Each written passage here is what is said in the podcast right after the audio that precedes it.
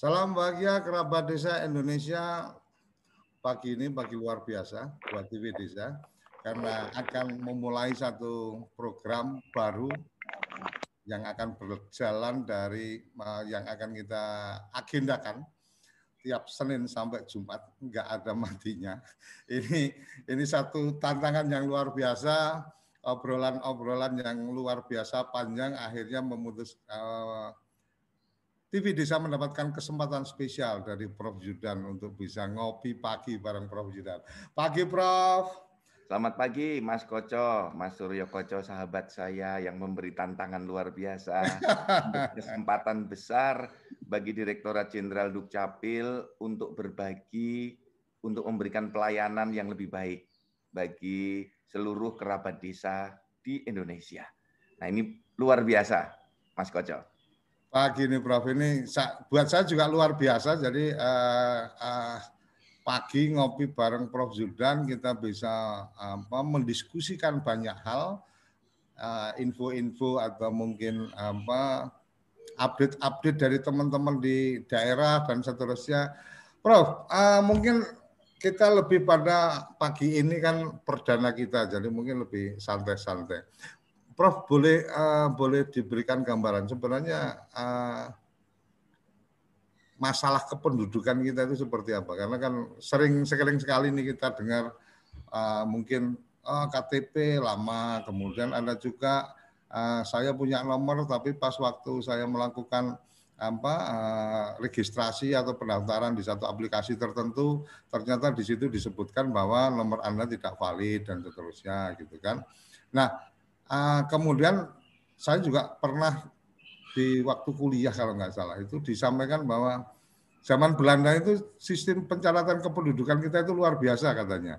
Salah satunya adalah adalah bagaimana membangun kesadaran untuk masyarakat melaporkan ke apa uh, updatingnya. Nah kalau dulu kalau informasi yang kita terima bahwa zaman Belanda itu kalau melaporkan kematian maka akan dapat apa kain kafan dan seterusnya dan seterusnya. Itu lebih pada supaya ketahuan benar berapa banyak yang mati. Kalau yang lahir biasanya otomatis memberitahu tapi kalau yang ada kematian kadang suka lupa memberitahukan sehingga secara pendataan agak kesulitan. Hari ini apa kabarnya Prof? Nah Mas Suryo Koco terima kasih banyak. Memang benar yang disampaikan Mas Koco tadi layanan administrasi kependudukan kita sangat sangat dinamis. Kita memahami betul, kita semua tahu layanan kependudukan adalah layanan yang mendasar, layanan pertama kali yang biasanya diperoleh oleh warga negara. Dan nanti layanan yang kemungkinan terakhir kali. Layanan yang pertama kali itu layanan untuk bayi yang baru lahir. Hmm. Penerbitan nomor induk kependudukan, masuk di dalam kartu keluarga, kemudian dibuatkan kartu identitas anak. Nah, nanti layanan yang terakhir itu layanan pencatatan kematian, penerbitan akte kematian. Nah, hmm. Mas Koco, kita harus bersyukur. Sekaligus ini ada tantangan besar bagi kita semua. Karena penduduk Indonesia itu penduduk nomor empat terbesar di dunia. 268 juta. Nomor empat di bawah China, India, Amerika, dan Indonesia. Nah, jumlah yang menarik, penduduk. ya jumlah penduduk kita terbesar nomor empat setelah China, India, dan Amerika. Dan menariknya di Indonesia itu sudah terbagi tiga zona waktu. Hmm. Zona waktu Indonesia Barat, zona waktu Indonesia Timur, dan zona waktu Indonesia Tengah. Dan kalau kita cermati peradabannya, peradaban di Indonesia sangat bervariatif. Ada hmm. peradaban yang sudah bisa masuk di era online penuh. Jakarta, Surabaya, Medan. Tapi ada peradaban yang masuk ke era online itu belum bisa. Online itu hmm. tidak kenal karena jaringannya nggak ada. Infrastrukturnya belum siap ya, Bro. Nggak masuk. Infrastruktur di wilayah itu tidak ada. Nah, oleh karena itu, Dukcapil itu mengembangkan layanan dengan uh, service level agreement SLE-nya yang bisa dipenuhi secara manual dan bisa dipenuhi secara digital. Hmm. Karena kita tidak bisa langsung ke online seperti model Korea, online model Amerika di sana bisa semua karena infrastrukturnya tersedia. Nah, di Indonesia ini sedang bertumbuh 268 juta bangsa kita, rakyat Indonesia itu memiliki keragaman kemampuan dan pemerintah juga memiliki keragaman kemampuan karena infrastruktur belum masuk di semua titik. Tetapi itu tidak melemahkan semangat kita untuk melayani. Perbaikan dilakukan terus-menerus, termasuk nanti kepada kerabat desa kita di seluruh Indonesia. Mana karena kita kan dengan uh, petugas desa juga ada kerjasama yang dengan melibatkan petugas registrasi desa untuk pencatatan itu sampai di level terbawah. Registrasi desa.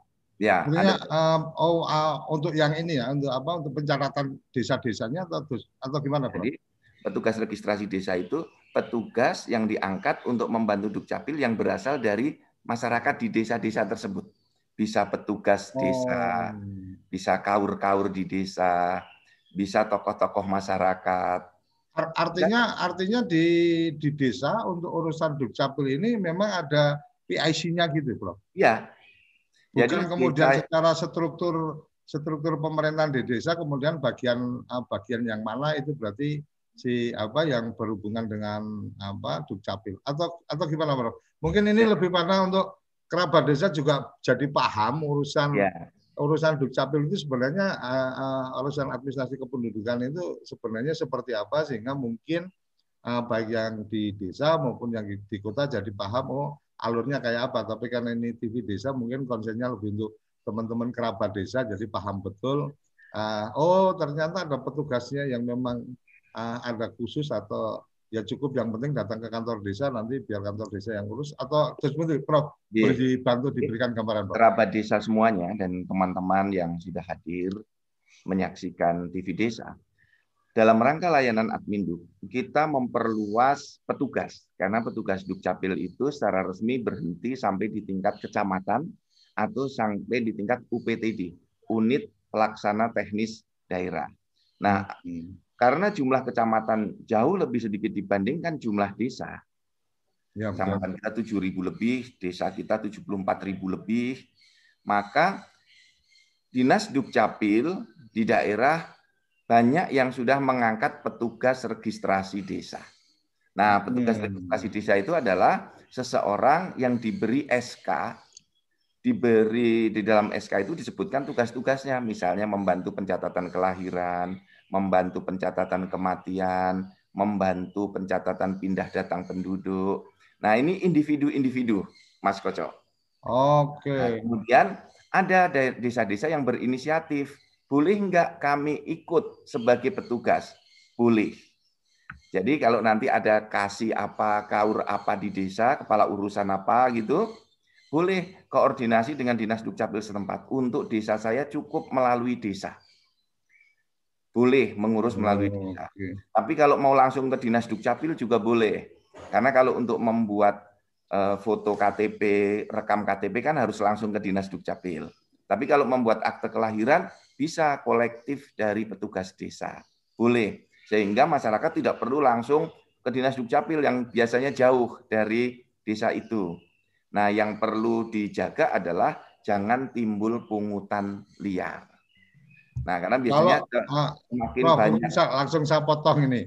Jangan ya. timbul pungutan liar. Kemudian petugas ini memang juga memang mendapatkan honor profesional atau bagaimana sehingga uh, karena kan gini Prof. Kalau pungutan liar itu kan ketika kita mematok nih. Oh, kamu harus bayar tambahan segini dan seterusnya. Nah, tapi sisi yang lain ini ini kadang-kadang urusan urusan peraturan perundangan ini kan yang kadang juga bikin uh, kasihan juga nih teman-teman. Ketika kemudian satu bentuk apresiasi, ucapan terima kasih itu kan bisa jadi apa uh, masuk di kategori uh, ini apa namanya uh, apa sih istilahnya? Di nanti masuk di, gratifikasi ah gratifikasi. ini ya. nanti nanti kan malah kader juga nih Prof kalau mau bantu-bantu. Gimana ini Prof? Nah, apa mungkin kalau dari bagaimana mereka petugas ini ama supaya tidak apa tidak ada pungutan berarti apa uh, memang dia memang uh, dalam pelaksanaan tugasnya ada profesional dihargai itu. Kemudian yang kedua apabila ada apa uh, penghormatan atau gratifikasi. Oh matur nuwun Mas, aku nggak dibantu mungkin juga nggak beres urusan. Akhirnya kemudian memberikan sesuatu apakah itu juga apa uh, kemudian akan jadi masalah juga. Monggo, ya. Kalau dari Dukcapil itu berpandangan dalam setiap beban-beban pekerjaan itu harus tersedia anggaran, Mas Koco. Oh, mantap. Jadi yeah. Dari pemerintah daerah wajib menganggarkan untuk penyelenggaraan petugas registrasi desa. Hmm. Termasuk untuk penyelenggaraan layanan melalui desa. Karena kalau tidak ada anggarannya untuk jalan ke kabupaten kan berat nanti. Tidak ya, boleh dibebankan pada pribadi-pribadi. Oleh ya. karena itu ada dua pendekatan untuk finansialnya. Disediakan di APBD dari kabupaten kotanya masing-masing hmm. atau disediakan melalui APBDes. Karena boleh untuk APBDes untuk layanan masyarakat dibolehkan. Oke. Nah, kami terus mendorong agar pungli apa namanya ucapan terima kasih itu dihindarkan. Karena kita sedang membangun branding. Membangun suasana penyelenggaraan pemerintah yang bersih. Karena nanti kalau ada masalah orang berniat baik jadi soal dianggap menyuap, memberi gratifikasi itu kan menjadi anggap satu menerima gratifikasi, satu menerima suap. Itu Prof salah satunya itu itu ini ini karena kita ngobrol santai juga ya, Bro. Itu ya. apa tidak kemudian sebenarnya sedang merusak tatanan yang sudah biasa kita terjadi ini sebagai satu bentuk penghormatan ini non Jawa nih, Bro. Salah satunya nih, Mama. Kita ada hajatan. Ya kan? Kalau kemudian apa mengirim sajian atau mengirim makanan ke tetangga itu kan mungkin cukup satu rantang gitu kan. Tapi karena kalau mengirim untuk ke Pak Kades kan mesti juga lebih banyak, ke perangkat desa juga lebih banyak. Artinya kan mereka memang mengapresiasi atau menghormati mereka sebagai tokoh dan seterusnya. Nah kalau maksudnya itu jadi pemberian yang berlebih sebagai gratifikasi, yo repot juga tuh kades-kades bisa masuk bui semua tuh gara-gara yang kayak kayak gitu. Gimana ini Prof? Ya. mungkin mungkin di, di bagian ini uh, menarik ketika Prof tadi menyampaikan berusaha untuk tidak ada yang seperti itu. Kita aja kadang-kadang juga apa ya, kadang-kadang uh, seperti saya nimpang uh, di rumah mama uh, ada petugas uh, yang uh, sudah dipesankan di call centernya jangan diberi gini-gini. Ya gitu kan. Tapi kalau kemudian kita lihat dia begitu capek-capek kayak gitu, ya benar memang bagian pekerjaannya dan terus ya pas dia pas kita mencoba memberikan sesuatu dan dia menolak aja rasanya sedih gitu loh. Aku pengen ya. memberikan apresiasi kok sampai dia menolak gitu. Ya. Sebenarnya kayak apa nih Prof? Apa memang harus ada apa memang dunia baru kita harus seperti itu?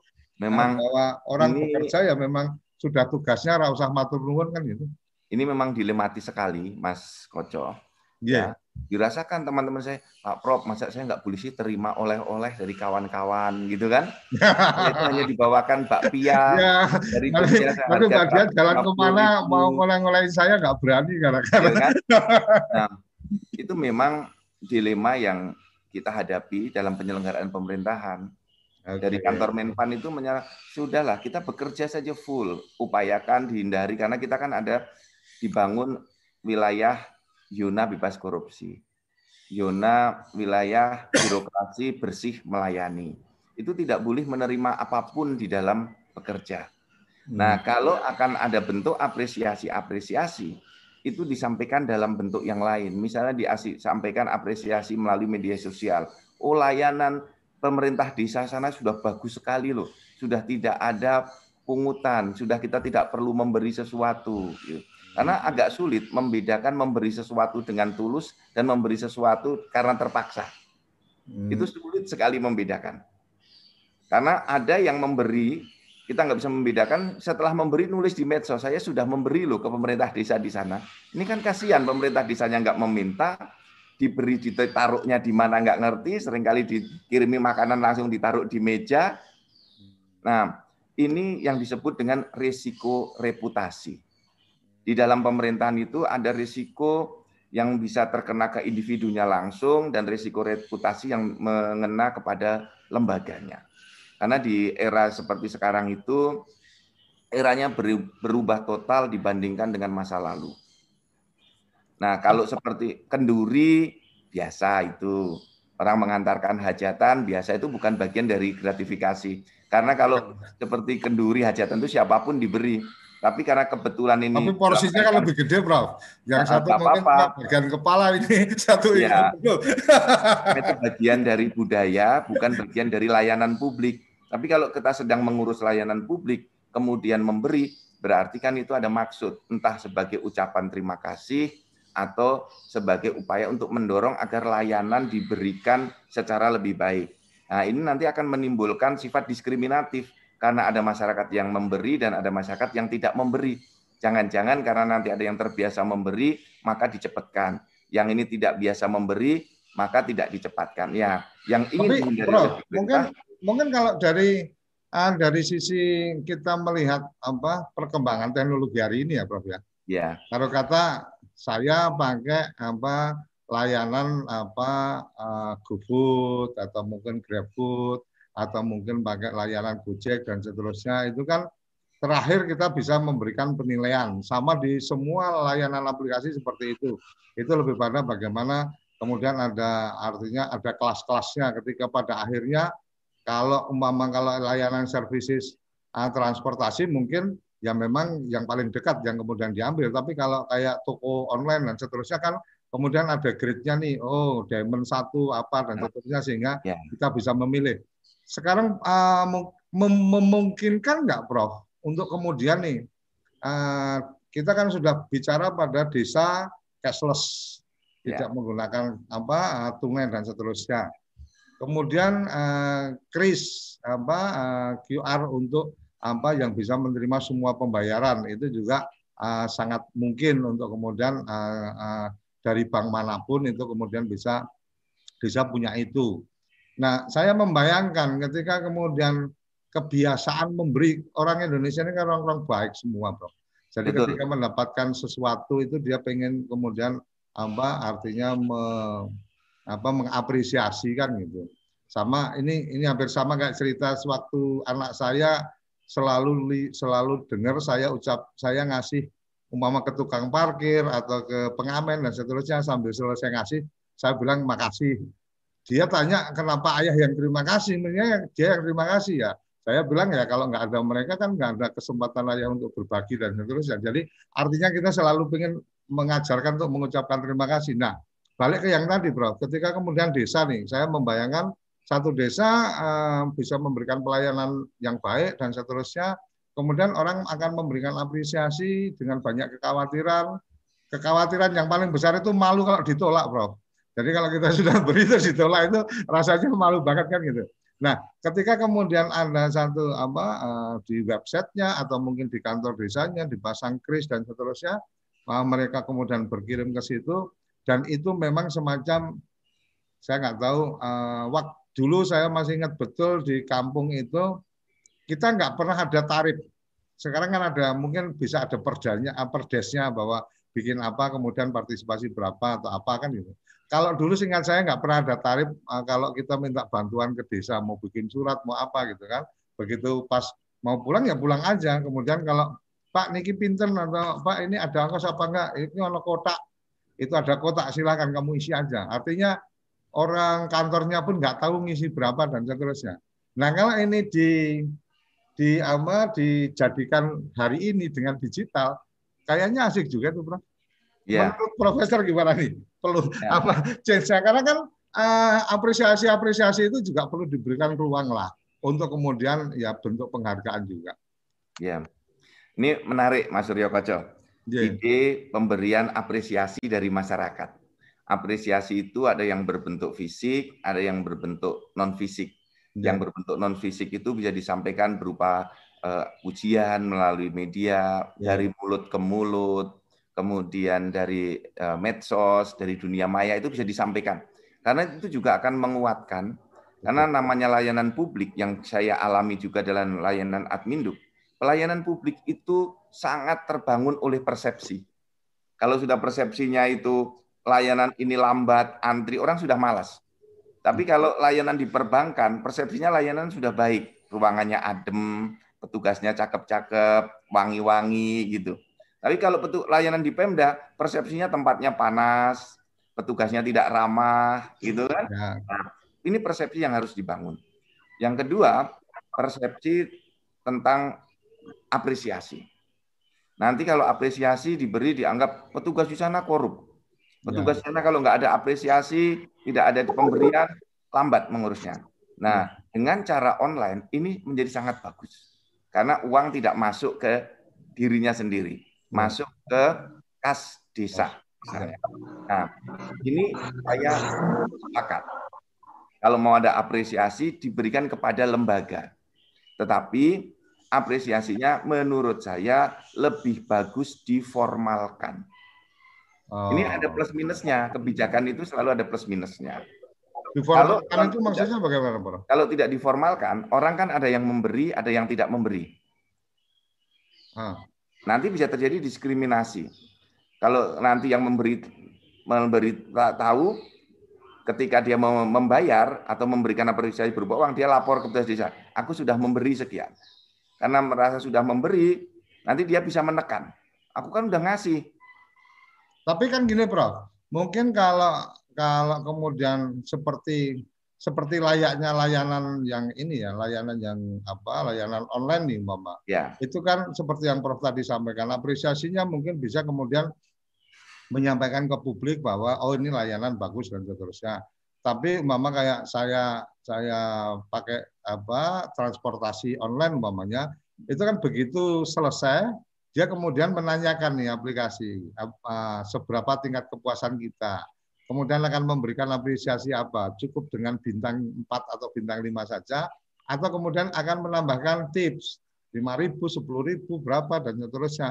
Artinya, saya sih, menurut saya ketika kemudian itu kita identikan dengan zaman dulu kecil kita di kampung minta surat apa keterangan apa eh, apa SKCK kalau nggak salah ya, yeah. yang iya. kemudian kita harus ke Kodim dan seterusnya. Waktu itu saya masih ingat.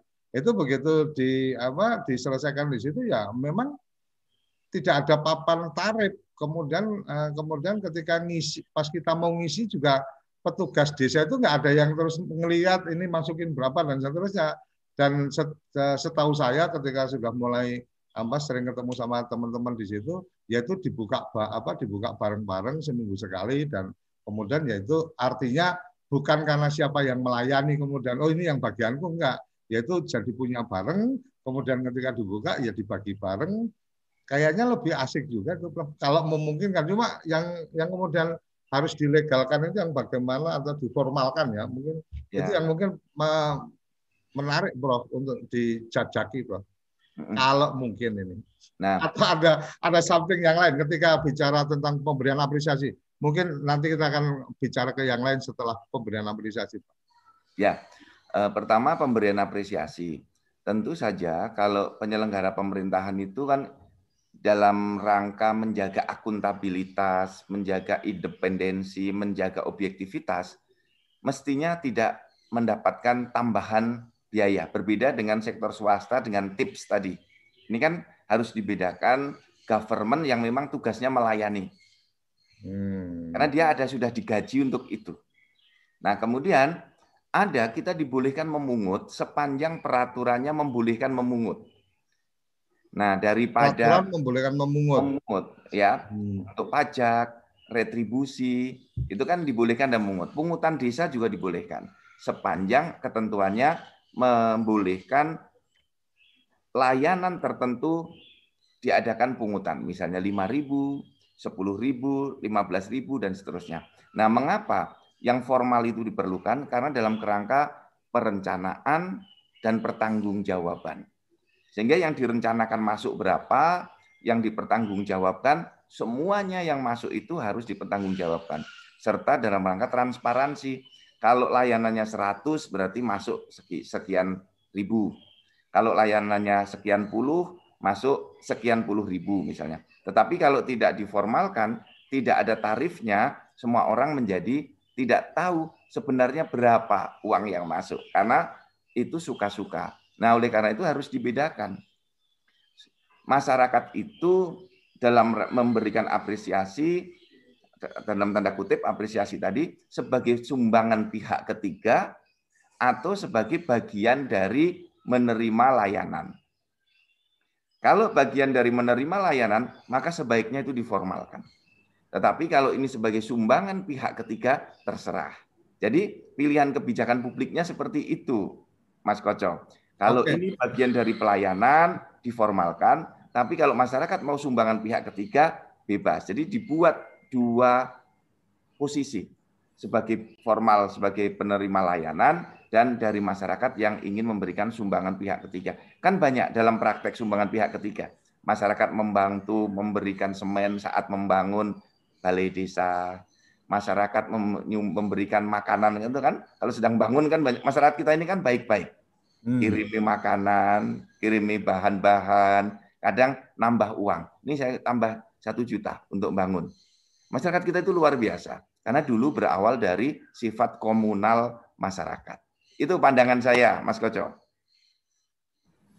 Oke, Prof. Salah satu yang saya lihat kalau dari uh, Undang-Undang Desa itu pasal 72 kan menyebutkan bahwa sumber itu bisa bantu apa, bisa banyak hal nih termasuk juga hibah dan sumbangan yang tidak mengikat yang tadi Prof sampaikan dan juga lain-lain pendapatan desa yang sah. Artinya kalau kemudian kalau kemudian uh, desa itu ini saya coba meng mengidentikan zaman masih apa kolonial sama digital ya, Prof. Zaman kolonial itu kan kemudian di, ada kotakan nih di depan gitu kan. Kemudian itu kuncinya siapa yang pegang nanti dibuka bareng-bareng. Kemudian itu artinya kan ada satu akun nih, satu akun untuk kemudian oh ini akunnya adalah akun untuk uh, bantuan masyarakat atau apresiasi dan seterusnya. Kalau kemudian hari ini kita bicara digital, mama, uh, kemudian uh, di, di situ disebutkan ada hibah sumbangan, ada juga pendapatan yang sah. Artinya kalau bicara pendapatan yang sah itu kan berarti ada keputusan bersama bahwa oke okay, akan ada boleh masyarakat memberikan apresiasi atas apa yang dikerjakan oleh teman-teman itu dalam satu rekening tertentu ke, apa uh, tidak boleh ada pengaruh bahwa kemudian memberi apa memberikan banyak harus jadi fasilitas dan seterusnya jadi masyarakat tahu bahwa kalau kamu nyumbang mau 100 juta pun itu buat uh, aparat desanya nggak ada pengaruhnya karena memang kita tidak akan melihat itu dan seterusnya itu kemudian dibuat satu apa kesepakatan dalam musyawarah atau dalam peraturan apa uh, uh, keputusan bersama kepala desa dan seterusnya itu mungkin nggak Prof? Memungkinkan ya. nggak. Prof itu? Itulah yang disebut dengan sumbangan pihak ketiga tadi Mas. Oke. Atau hibah okay. dari pihak ketiga itu dimungkinkan dalam sistem hukum kita, dalam undang-undang desa dimungkinkan. Nanti hmm. dibuat peraturan desa ya disepakati oleh para pengurus desa termasuk penggunaan uh, penggunaan Nanti uang yang masuk, masuk dari rekening itu untuk ya, direncanakan gitu ya? uangnya untuk apa, kemudian hmm. dipasang di papan pengumuman masuk sumbangan pihak ketiga sebesar 15 juta. Nah. Uangnya digunakan untuk jalan-jalan BUMDes misalnya. Boleh. Okay. Nah, ini bagus ini. Oke, oke, oke, ah. Dipakai uangnya untuk membangun makam di desa sebelah mana? Boleh. Nah. Tapi uangnya juga buat makan-makan bersama kan boleh juga kan. Artinya yang penting ada laporannya kan gitu. Iya. Oke, Prof. Uh, masih ada 30 menit lagi ke depan. Saya izin ke teman-teman uh, mohon bisa kalau ada yang ingin menyampaikan sesuatu bisa melalui chatting uh, baik di YouTube uh, di YouTube-nya teman-teman Dukcapil ada dan YouTube TV Desa juga on. Kemudian yang ada di Zoom meeting juga bisa menyampaikan di sini. Nanti akan dibantu oleh Mbak Diana Mas Andi juga untuk men, apa siapa-siapa yang akan diberikan uh, ruang untuk berbicara. Walaupun ini tadi uh, obrolannya jadi ngalir begitu aja. Uh, saya minta izin untuk jeda sesaat uh, lagi untuk kita sambil nyeduh kopi kita. Jangan ke mana-mana tetap di Ngopi Pagi bersama Prof. Yuda. Kamu tinggal di pulau terpencil, pegunungan pinggiran kota, atau daerah di Indonesia yang tidak terjangkau jaringan fiber, ADSL, dan juga 3G. Internetan dengan cepat pasti cuma akan menjadi mimpi. Mau pakai tol langit, pakai desa wifi, kunjungi www.desawifi.id.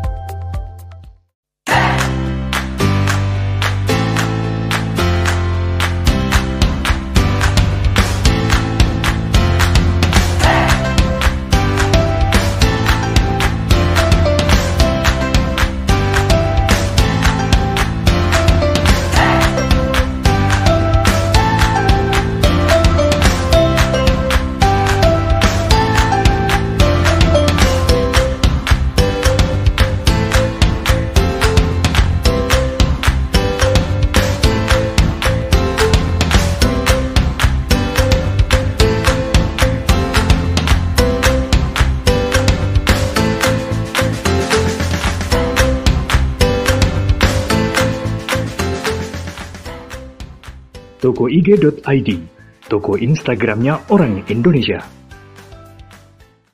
Ayo, kandidat kepala daerah, manfaatkan kesempatan ini. TV Desa mengundang Anda bicara desa. 5 menit bisa. Bicara Desa. Sebuah program tayangan monolog. Konsep membangun dari desa. Dari kandidat untuk masyarakat. 5 menit bisa. Bicara Desa. Hanya di TV Desa. Oke, kembali lagi di ngopi pagi. Prof, kayaknya ada salah di saya ini. Saya terlalu banyak ngomong kan.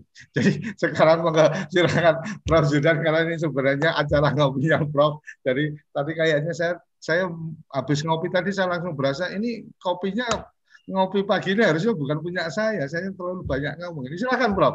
Ada yang ingin disampaikan secara khusus di edisi perdana kita karena responnya ya. sepertinya luar biasa nih teman-teman. Mas Surya Kaco ini saya senang sekali diskusi kita mengalir ya angle-nya bagus, pintu masuknya enak karena desa adalah bagian yang sangat penting dalam tata kelola pemerintahan. Kan semangat kita kalau di bawah kuat, di atas juga akan sehat dan kuat. Ekonomi desa kuat, ekonomi negara juga akan kuat. Layanan di desa bagus, layanan nasional juga akan terbranding secara bagus. Nah, pengalaman-pengalaman kita sejak masa kolonial Belanda, jadi kalau kita cermati, layanan administrasi kependudukan itu sudah sejak zaman Belanda, ketika dulu ada pencatatan kematian, pencatatan perkawinan, itu terus dilakukan dan diawali dengan pencatatan kelahiran. Itu sudah berjalan dengan baik. Nah, tradisi itu yang dulu kan kita tahu zamannya semuanya masih serba manual, catatan-catatan itu ada di kota Surabaya masih kita temukan buku-buku besarnya itu di kota kita belajar dulu di Semarang, Mas Koco di kota Semarang banyak itu. Nah saya udah melacak sampai di sana tulisan tangan betul. Hmm. Makanya dulu dikenal catatan sipil karena berupa catatan yang ditulis tangan itu catatan bukunya besar-besar dan rapi sekali tintanya bertahan kuat. Seiring perkembangan waktu, yang dari pencatatan sipil ditambah dengan pendaftaran penduduk. Kalau dulu kan hmm. hanya catatan lahir, mati, kawin, cerai. Nah, kemudian ditambah dengan pendaftaran penduduk orang yang berpindah. Pemberian NIK pertama kali. Kalau dulu kan belum ada sistem NIK. Ya. Nah, di Indonesia tradisi administrasi kependudukan termasuk tradisi yang baru yang dilakukan secara nasional. Pembangunan administrasi kependudukan di Indonesia secara sistematik, secara komprehensif itu baru dibangun 2006, Mas. Hmm. Jadi merupakan tradisi administrasi kependudukan yang masih muda dibandingkan dengan berbagai negara. Saya sebut tradisi masih muda dalam arti dibangun dengan tata kelola yang komprehensif baru tahun 2006. Tetapi bibit-bibitnya sudah lahir. Sejak awal kemerdekaan, ya sejak zaman Belanda kita sudah punya bentuk KTP Belanda. Di masa Jepang punya bentuk KTP Jepang. Di masa Orde Lama tahun 60-an, 50-an, 60-an kita punya bentuk KTP. Tahun 70-an punya bentuk KTP tertentu sampai kemudian sekarang dikenal dengan KTP elektronik. Akte kelahiran juga demikian, terjadi perkembangan terus-menerus. Nah, terjadi dinamika yang sangat bagus di dalam negara mengelola administrasi kependudukan. Sekarang dokumen kependudukan kita sudah jauh lebih lengkap dibandingkan pada zaman Belanda. Tentu saja karena kurun waktu yang sangat panjang. Kalau dulu hanya kuat di catatan sipil, sekarang seiring dengan pencatatan sipil ada pendaftaran kependudukan. Jadi didata dengan jauh lebih teliti. Maka terdapat sekarang 24 dokumen kependudukan. Jadi seluruh kerabat desa sekarang negara menyediakan 24 dokumen untuk Anda semua. Hmm. Ya, mulai dari bayi baru lahir dibuatkan NIK, nomor induk kependudukan yang ditempatkan di dalam biodata. Nah, kalau di desa dulu ada buku, buku kependudukan itu. Nah, setelah itu ada kartu identitas anak ada KTP elektronik, ada akte kelahiran, ada akte perkawinan, ada akte perceraian, ada 14 surat keterangan. Surat keterangan pindah, surat keterangan domisili, itu semuanya ada. Nah, apa maksud negara menciptakan dokumen ini? Kan kita tahu, kerabat desa, pohon saja punya nama, pohon diberi nama, maka orang juga harus punya nama agar nggak salah. Ini namanya siapa? Tanah diberi sertifikat, maka orang juga diberi KTP, diberi akte, Sepeda motor diberi surat, maka manusia juga harus memiliki dokumen. Nah, untuk itu layanan kita terus dilengkapi dan setiap transaksi yang terjadi di penduduknya itu harus tercatat. Seperti apa transaksi kependudukan? Jadi, Mas Suryo Koco, rekan-rekan kerabat desa semuanya, setiap manusia itu ada transaksinya. Ada transaksi di sektor keuangan di perbankan, ada transaksi di sektor kependidikan dari sekolah TK, SD, SMA. Nah, di sektor kependudukan juga ada transaksinya dari lahir, kemudian menikah, kemudian memiliki anak, ada yang berpindah sampai nanti meninggal dunia. Itulah transaksi kependudukan. Nah, transaksi ini harus dicatat. Ini Mas, mengapa kita ingin kita concern dengan pencatatan kependudukan ini dengan mengangkat petugas registrasi desa dan membolehkan di desa-desa ada layanan kependudukan yang berawal dari desa. Nanti dikoordinasikan dengan dinas dukcapil setempat. Karena kita harus mencatat setiap transaksi. Bayi lahir dicatat. Untuk apa? Diterbitkan nomor induk kependudukan. Karena sekarang sudah ada peraturan presiden yang mengatur yang mengatur tentang percepatan layanan kependudukan dan statistik hayati bahwa semua layanan publik harus berbasis nomor induk kependudukan. Jadi kalau tidak punya nomor induk kependudukan, nanti penerimaan bantuan langsung tunai desa, penerimaan bantuan sosial dari kabupaten itu tidak akan bisa diterima secara lancar untuk ikut pilkada, untuk ikut pilkades, basisnya adalah NIK. Maka pertama kali penduduk itu lahir diberikan NIK oleh Dinas Dukcapil. Nah, setelah itu apa? Kalau pindah, pindah juga harus dicatat. Petugas di desa dengan Dinas Dukcapil harus ada hubungan yang harmonis. Ini sudah saya tugaskan. Semua Dinas Dukcapil wajib memberikan catatan penduduk yang berpindah dari tiap desa. Kalau dulu orang pindah dari desa berlapor ke Dukcapil, sekarang tidak, kita balik. Dari Dukcapil, setiap orang yang berpindah dilaporkan ke desa itu. Boleh setiap minggu, paling lambat setiap bulan. Sehingga data di desa itu terupdate terus-menerus, monografi desanya bisa menjadi lebih akurat. Karena kan kita tahu di desa ada kewajiban membuat monografi desa. Nah, monografi desa ini nanti bisa langsung ngeling ke data Dukcapil yang sudah sudah kita buatkan dalam bentuk GIS, Geographic Information System. Nah, desa-desa yang sudah digital, saya senang banyak desa sudah mulai digital, bisa langsung melingkan, menyambungkan data Dukcapil dengan data desa atau data monografi desa disambungkan dengan data GIS, Geographic Information System atau data data kependudukan berbasis wilayah.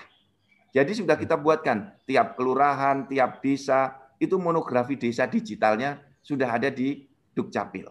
Nah, ini bisa dilihat oleh teman-teman semua kerabat desa di seluruh Indonesia.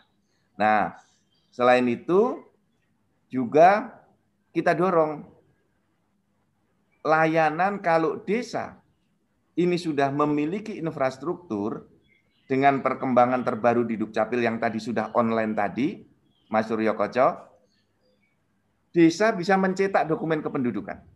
Karena dokumen kependudukan kita sekarang dicetak dengan kertas putih.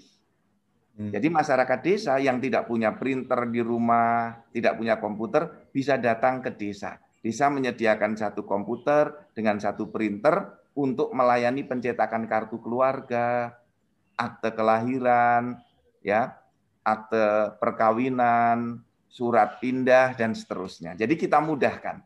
Kalau dulu harus ke dinas dukcapil, harus ke kecamatan, sekarang dengan ada alokasi dana desa, kalau nanti APBD-nya juga mampu, belikan satu perangkat komputer dan satu printer untuk mencetak dokumen sehingga digitalisasi itu sampai ke tingkat desa. Dan ini bukan sesuatu yang mustahil, Mas Koco. Karena ya. masyarakat, petugas desa kita semuanya sudah bisa komputer, karena banyak yang muda-muda. Itu gambaran awalnya seperti ya. itu, Mas. Prof, ini ada yang menarik dari apa yang disampaikan Prof. Zudan tadi. Satu, bicara nomor induk kependudukan. Ini uh, kita sebagai rakyat jelata ini kan mengikuti aja kebijakan kan gitu. Artinya Artinya saya itu dulu paling apa paling suka dengan nomor induk kependudukan karena ketika orang memberikan eh, ketika dia saya minta untuk ngisi nomor induk kependudukan dan eh, saya minta dia mengisi alamat itu eh, alamat tempat tanggal lahir eh, tanggal lahir terutama tanggal lahir sama jenis kelaminnya jenis kelamin yang bersangkutan itu saya bisa langsung melakukan cross check bahwa ini valid atau nggak valid. Tapi hari ini saya nggak bisa dapat itu karena NIK yang di enam digit pertama itu adalah terregistrasi pertamanya di mana. Ketika dia pindah itu tidak berubah. Saya di Jakarta, eh, saya di Semarang, kemudian pindah ke Jakarta, enam digit pertama saya pasti berubah karena beda provinsi, beda kabupaten kota, beda kecamatan. Kemudian dari situ ada digit berikutnya adalah tanggal lahir saya, kalau laki-laki pasti angkanya kecil, kalau perempuan ditambah 30 kan gitu. Bulan lahir, tahun lahir. Akan kedetek semua di situ. Kamu laki-laki, perempuan, tanggal lahir di mana dan seterusnya. Dulu saya paling seneng karena uh, untuk apa keperluan kebetulan saya Nah, dulu memang juga aktif di IT juga. Jadi tinggal tinggal melakukan ini aja tinggal melakukan apa cross aja cross data begitu. Nggak sama langsung tolak. Hari ini juga nggak suka saya harus ke dukcapil untuk bisa mendapatkan akses data nih. Kalau nomor nicknya kayak gini data terakhir uh, data terakhir tercatat kependudukannya di mana dan seterusnya suka tidak suka harus interkoneksi data dan seterusnya tapi apa pun namanya kita warga uh, warga negara yang baik ya tetap mengikuti kebijakan yang sudah dibuatkan gitu, Bro. Nah, uh, yang yang yang kedua nih, Bro, nanti tentang bagaimana apa uh, desa, kabupaten dan seterusnya di Dukcapil. Ini uh, di salah satu tayangan kita, kita pernah ada di satu salah satu kepoin desa kita, kita sempat mengundang teman yang uh, seorang sekretaris desa yang kemudian mengembangkan identifikasi barcode di KK. Jadi KK itu dipasangi barcode gitu kan, uh, supaya ketika kemudian akan melakukan pendataan atau apa dia tidak harus apa cek ulang dan seterusnya cukup dari barcode-nya aja langsung kedetek dan itu itu dikerjakan sendiri artinya uh, teman sekdes ini mengembangkan sendiri. Yang menarik adalah ketika mencoba dikomunikasikan di tingkat kabupaten gitu kan, no respon dan kemudian ya hanya sekedar nambah barcode dan seterusnya nggak ada apresiasi atas itu. Saya, saya tidak akan menyebutkan itu di wilayah mana, tetapi yang jelas kadang-kadang ada anak yang sudah kreatif kalau bapak sama emaknya terlalu sibuk dengan apa kesibukannya masing-masing, eh, kita juga akan melihat kasihan juga nih si anak gitu kan. Satu saat bisa jadi anak yang nakal juga kan gitu, Bro. Bro, dua, hal itu mungkin bisa diberikan gambaran tentang Nick sekarang itu apa uh, memang standarnya memang seperti itu kita ikut aja ketika kemudian uh, teman-teman yang dari punya ada agenda kepentingan dengan data yang dia kelola karena mungkin kayak kayak kita kan punya aplikasi juga nih untuk teman-teman apa uh, untuk teman-teman uh, uh, di komunitas kita punya aplikasi. Nah kadang untuk melakukan validasi, oh ini memang alamatnya sekarang di situ uh, benar masih di situ atau sudah pindah karena nomor niknya tidak akan berubah kan setelah ter, tercatat itu. Monggo Prof. Ya, Mas Suryo Koco, terima kasih. Ini sahabat saya, seluruh kerabat desa, teman-teman Dukcapil, teman-teman perangkat desa, dan seluruh masyarakat pagi yang menarik, ngopi hangat ya. Pertama ada dua, NIK ya. dan kaitannya nanti dengan nomor KK. Hmm. Karena ini penting. NIK itu ada 16 digit. Ya. Ada kode provinsi, kode kabupaten, kode kecamatan, kode tahun lahir, bulan lahir, tanggal lahir, dan empat digit nomor urutnya. Ini Ya. berlaku seumur hidup, Mas Koco. Ya. Seumur hidup. Walaupun orangnya berpindah-pindah, NIK-nya tidak akan berganti. Kalau Tidak. dulu berganti kan Mas eh, Prof? Enggak, yang sekarang aturannya Sekarang NIK nah, yang sekarang. Dulu tahun 2009-2010 kita melakukan pembentukan NIK nasional. Setelah itu NIK tidak boleh berganti. Nah, ini kita mudah. Kalau perempuan seingat saya ditambah 40. ya, ya. Ditambah 40 sehingga lebih banyak. Kemudian NIK selalu dikaitkan dengan nomor KK untuk registrasi itu. Hmm. Nah, nomor KK itu berganti-ganti. Oke. Nomor KK tergantung kepada kepala keluarganya. Untuk itulah kalau terjadi perubahan kepala keluarga, kerabat desa semuanya, nomor KK atau kartu keluarga harus dicetak ulang. Misalnya, Hmm. saya berpindah rumah. Saya numpang di rumah Pak D saya, pindah desa. Itu kartu keluarga saya baru, nomor KK saya baru. Maka kalau mendaftar di kartu telepon, mendaftar kartu prabayar, itu kalau menggunakan nomor KK yang lama pasti tertolak. Karena di dalam sistem Dukcapil, kartu keluarganya sudah berubah nomornya. Misalnya anak saya sekolah sekarang pindah dari Jakarta ke Semarang. Di Semarang ikut om saya. Nomor nomor kakak anak saya berubah. Tidak boleh lagi menggunakan nomor kakak yang lama. Karena sudah berubah kepala keluarganya. Nanti kalau anak saya misalnya punya rumah sebagai kepala keluarga sendiri, maka teman-teman kerabat desa juga harus tahu nomor anak, nomor kakak anak saya berubah lagi. Tapi NIK Prof, Prof, mungkin mohon ma maaf ini Prof. Artinya ketika kita tadi seperti yang saya sampaikan tadi kita coba cross data itu, kalau hari ini berarti suka tidak su- apa eh, kita perlu melakukan eh, cross data itu antara nomor induk kependudukan dan nomor kakaknya supaya kita bisa apa dapat data validnya atau Betul. bagaimana Prof? Betul. Karena di di Indonesia se- setiap penduduk strukturnya berada dalam kartu keluarga. Ini kaitannya sama dengan yang digunakan dalam BPJS, pemberian bantuan sosial, strukturnya keluarga. Maka Hmm. kalau BPJS itu pembayarannya satu kakak. ya maka- betul. Kalau kita diikuti anak kos dalam satu kakak kita, kita wajib membayarkan satu kakak itu. Betul, betul. Ya. Maka yang anak kos itu harus dibuatkan kakak tersendiri agar bebannya ada pada dirinya. Kan banyak Oh, oke oke nih, oke. Mas Oco, kan banyak. Kita ini satu rumah menerima anak kos, yang anak kos kan suka pindah, Bu, boleh nggak saya menggunakan alamat rumah ini numpang? Ibu Jadi kalau kalau numpang numpang masuk kakak itu jadi beban jadi kepala beban keluarga. kepala keluarga. Dan Hmm. nomor kakak anak ini ikut nomor kakak si pemilik rumah. Artinya nomor nomor nik dia sebagai penduduk itu masuk di daftar kakak si pemilik rumah. Sehingga Ya. segala sesuatu yang ada di uh, anak ini otomatis jadi tanggung jawab kepala keluarga di nomor itu. Untuk Ini menarik ini Prof ini ini bagian-bagian yang kayak gini yang harus dieksplor supaya pada paham kadang-kadang ya udahlah yang namanya yang namanya memudahkan dan itu eh nggak taunya terregistrasi sebagai eh, anggota kakak saya dia teroris gitu kan repot juga. Eh, Makanya- Secara data kita nggak bisa mengelak bahwa ada di dalam daftar kakak kita kan gitu, Bro. Iya, ini kan orang kita sangat baik. Orang Indonesia Itu tadi. baik secara komunal, saling ingin membantu. Iya. Nah, ini pengalaman saya mengelola administrasi kependudukan Indonesia menunjukkan seperti itu. Dan eh, bandelnya, celakanya, si anak kos itu ketika dia pindah, pamit gitu aja. Nggak kemudian memperbaiki data kependudukannya. Dia sudah di mana, alamatnya masih numpang di ibu kos Iya. ini. Udah Itu itu itu masih bagus itu pindahnya pamit, pindahnya udah nggak pamit, nomor teleponnya ganti, Bro.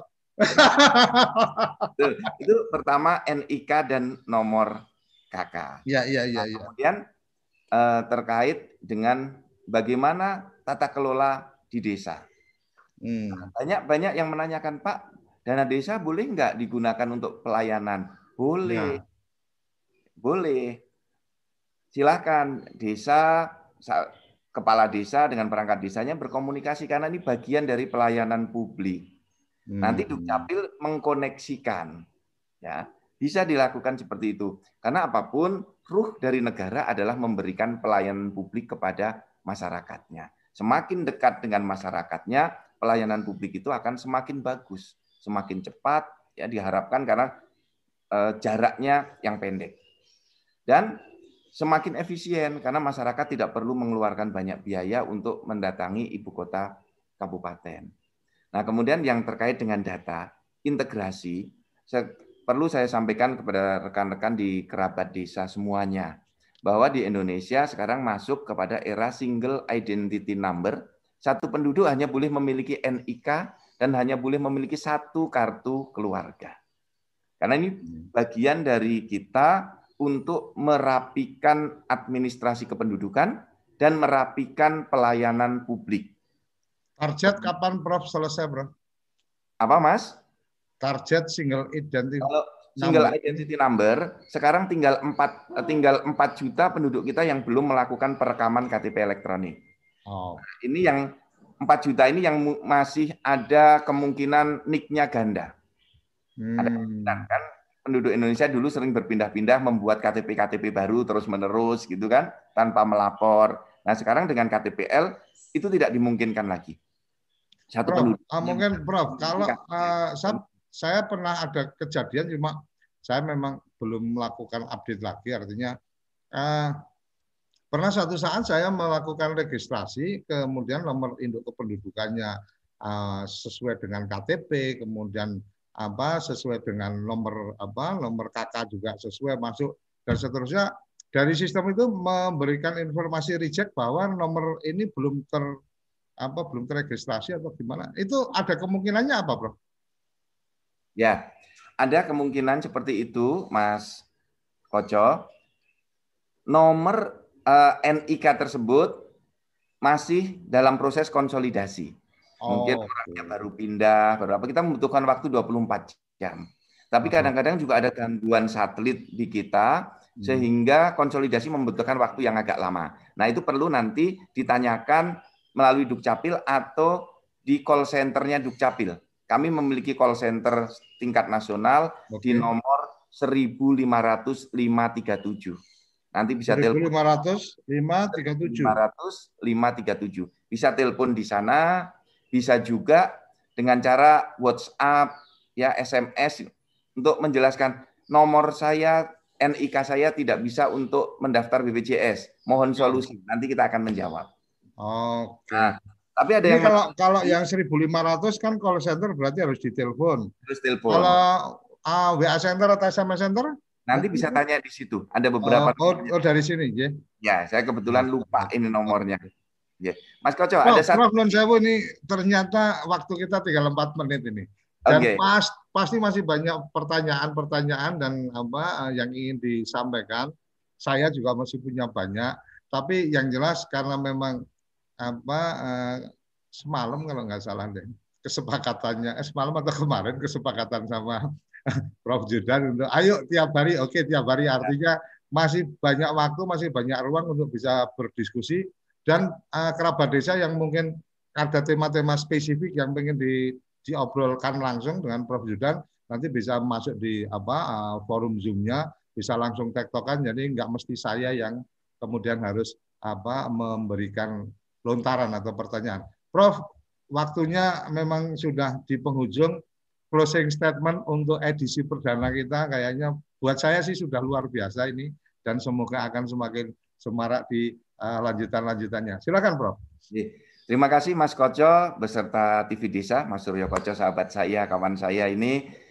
Eh, teman-teman semua, para perangkat desa, kerabat desa khususnya, teman-teman Dukcapil yang sudah hadir, mohon maaf, belum semua chat bisa kita jawab pagi hari ini. Insya Allah kita masih punya waktu 24 hari ke depan. Dan pagi hari ini kita sudah mengawali dengan sangat baik untuk berdiskusi bagaimana mendorong pelayanan administrasi kependudukan secara lebih baik. Kalau tadi ada karya bagus dari petugas desa atau sekretaris desa dengan barcode, nah ini mari bisa kita kembangkan. Kalau itu nanti bermanfaat untuk tingkat nasional, mengapa tidak gitu. Dan kita sekarang juga di Dukcapil dengan digitalisasi itu juga sudah menggunakan QR code. Jadi nanti kita bisa bersinergi. Terima kasih banyak. Mari terus rekan-rekan semuanya, kerabat desa, jangan lupa lakukan updating data. Jangan lupa okay. juga terus mendorong proses-proses pemberian identitas bagi bayi yang baru lahir dan bagi penduduk yang bila diketahui belum memiliki NIK segera dilaporkan ke Dinas Dukcapil setempat. Terima kasih TV Desa, terima kasih Mas Suryo Koco, terima kasih teman-teman semua. Oke, terima kasih Prof. Zudan. Jadi ini luar biasa pagi ini ngopi bareng dan akan terus tiap pagi dari Senin sampai Jumat. Dan kerabat desa yang mungkin kalau belum bisa, kalau ada yang ingin disampaikan eh, tadi ke 1500 537 atau bisa juga berkirim WA ke official TV Desa kalau ingin ada sesuatu yang ingin disampaikan ke 083 kali 01317160. Sampai di sini ngopi pagi kita bersama Prof. Judan di edisi perdana kita akan berlanjut terus uh, setiap pagi dari Senin sampai Jumat untuk kita bisa bedah obrolan tentang administrasi kependudukan. Salam bahagia kerabat desa Indonesia. Sampai jumpa besok pagi. Terima kasih.